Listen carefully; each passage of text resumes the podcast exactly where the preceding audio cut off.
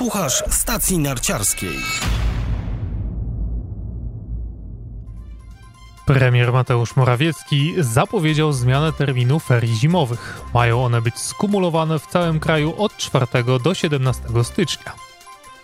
Jarosław Gowin oświadczył, że wyciągi narciarskie nie będą otwarte. Właściciele ośrodków nie wiedzą, czy uruchamiać naśnieżanie stoków, a sprzedawcy obawiają się, że zostaną z towarem. Dwukrotne zwycięstwo Petry Wlchowej w zawodach Pucharu Świata w Lewi. Michał Szypliński, zapraszam na ski serwis informacyjny. I uwaga, 3, 2, 1, jazda! Zanim przejdziemy do informacji, która zelektryzowała wszystkich narciarzy w Polsce, przenosimy się na chwilę za koło podbiegunowe. W fińskim Lewi rozegrano dwa slalomy zaliczane do klasyfikacji generalnej alpejskiego Pucharu Świata. Zarówno w sobotę, jak i w niedzielę najlepsza okazała się Słowaczka Petra Wlchowa. Zadanie nie było łatwe, ponieważ po 300 dniach przerwy do rywalizacji na najwyższym poziomie wróciła Mikaela Schifrin.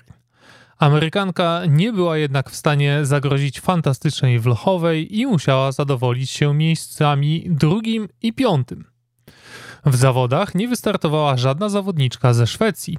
Jeden z trenerów Trzech Koron otrzymał pozytywny wynik testu na COVID-19, w wyniku czego cały żeński zespół został wykluczony z rywalizacji. Z powodu tej decyzji Szwedki były mocno rozgoryczone. Podobna sytuacja spotkała panów z ekipy szwajcarskiej. Trzech czołowych zawodników z tego kraju nie wystartuje w przyszłym tygodniu w Lech. Marco Odermatt, Loic Meillard i Justine Mourizier też są zarażeni koronawirusem i zmagania kolegów będą musieli obejrzeć w telewizji.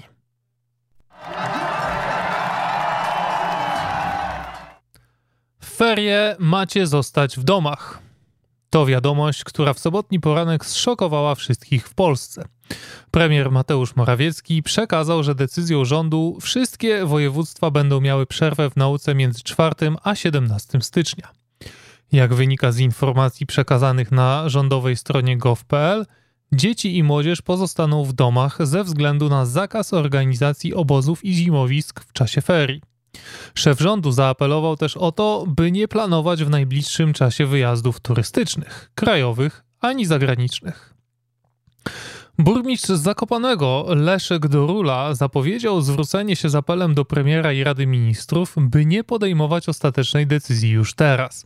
Uważa, że jest ona zbyt wczesna, a dużo lepszym pomysłem byłoby rozłożenie feryjnych turnusów w czasie, co umożliwiłoby zachowanie wszelkich rygorów sanitarnych. Z kolei burmistrz Szczyrku Antoni Byrdy stwierdził, że zablokowanie narciarskiego ruchu turystycznego spowoduje drastyczny spadek poziomu życia przeciętnego mieszkańca w regionie.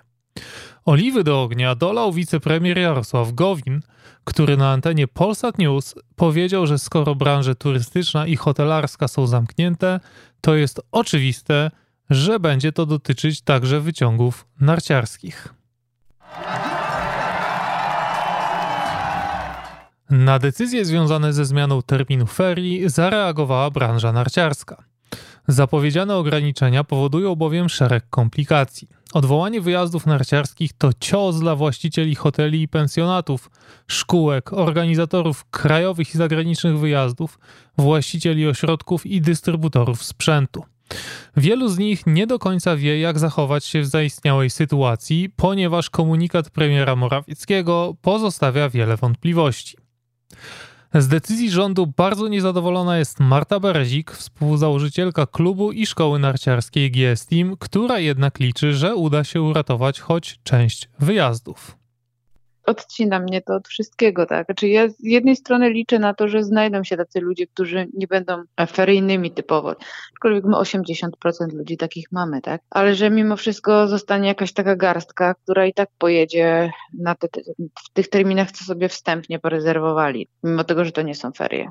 Z jednej strony chciałabym zrobić jakikolwiek wyjazd w czasie ferii, tak, czyli wiesz, zarezerwować gdzieś, nie wiem, czy w ogóle jeszcze będzie możliwe, aczkolwiek wiesz, no jest pewnie duży wybór i w tym terminie ferii, ferii, pseudo naszych teraz.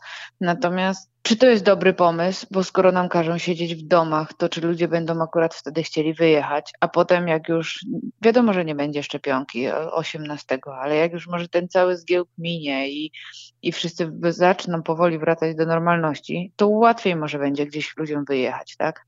Jeśli się i tak dzieci nie pójdą może do szkoły, bo może się okazać, że nie wszyscy wrócą.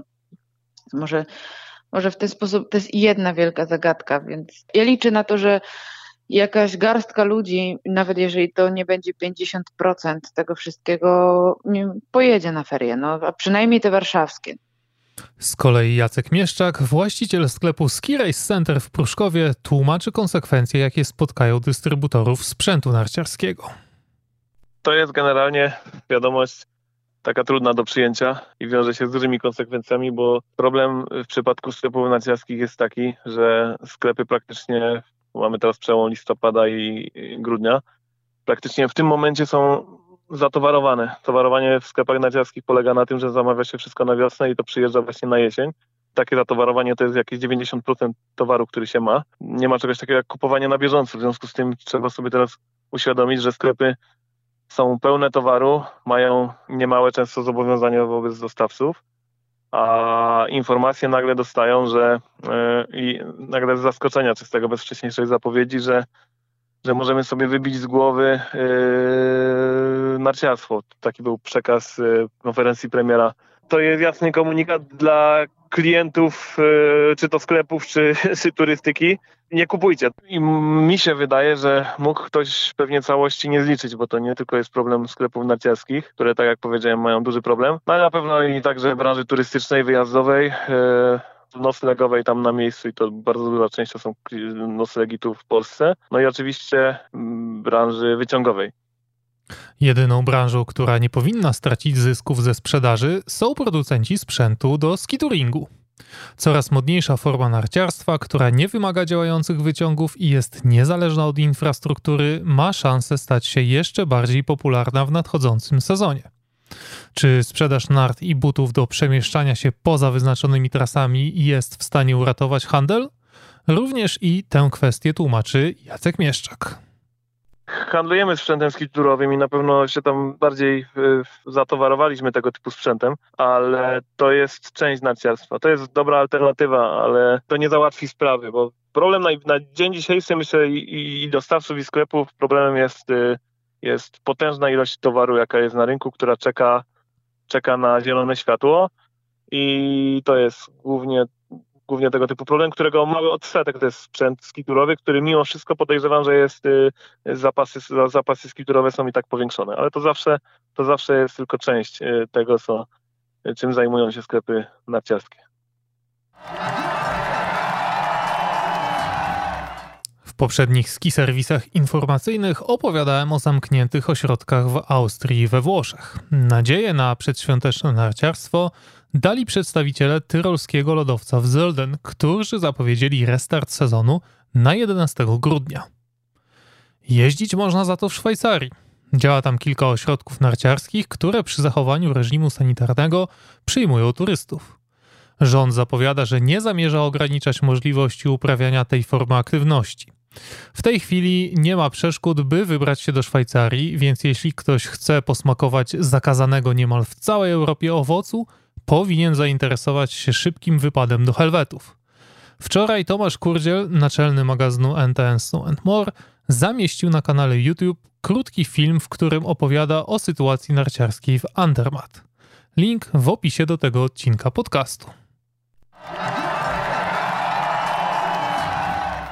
I na dziś to już wszystko. Przypominam, że co tydzień selekcjonuję dla Was najciekawsze informacje z narciarskiego świata. Żeby być na bieżąco, wystarczy kliknąć Obserwuj stację narciarską w Spotify, Apple Podcasts lub Google Podcasts. Zapraszam za tydzień na kolejną porcję narciarskich wiadomości. Do usłyszenia!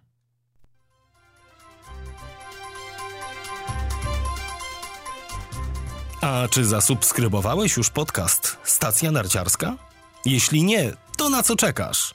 Szczegóły na stronie www.stacjanarciarska.pl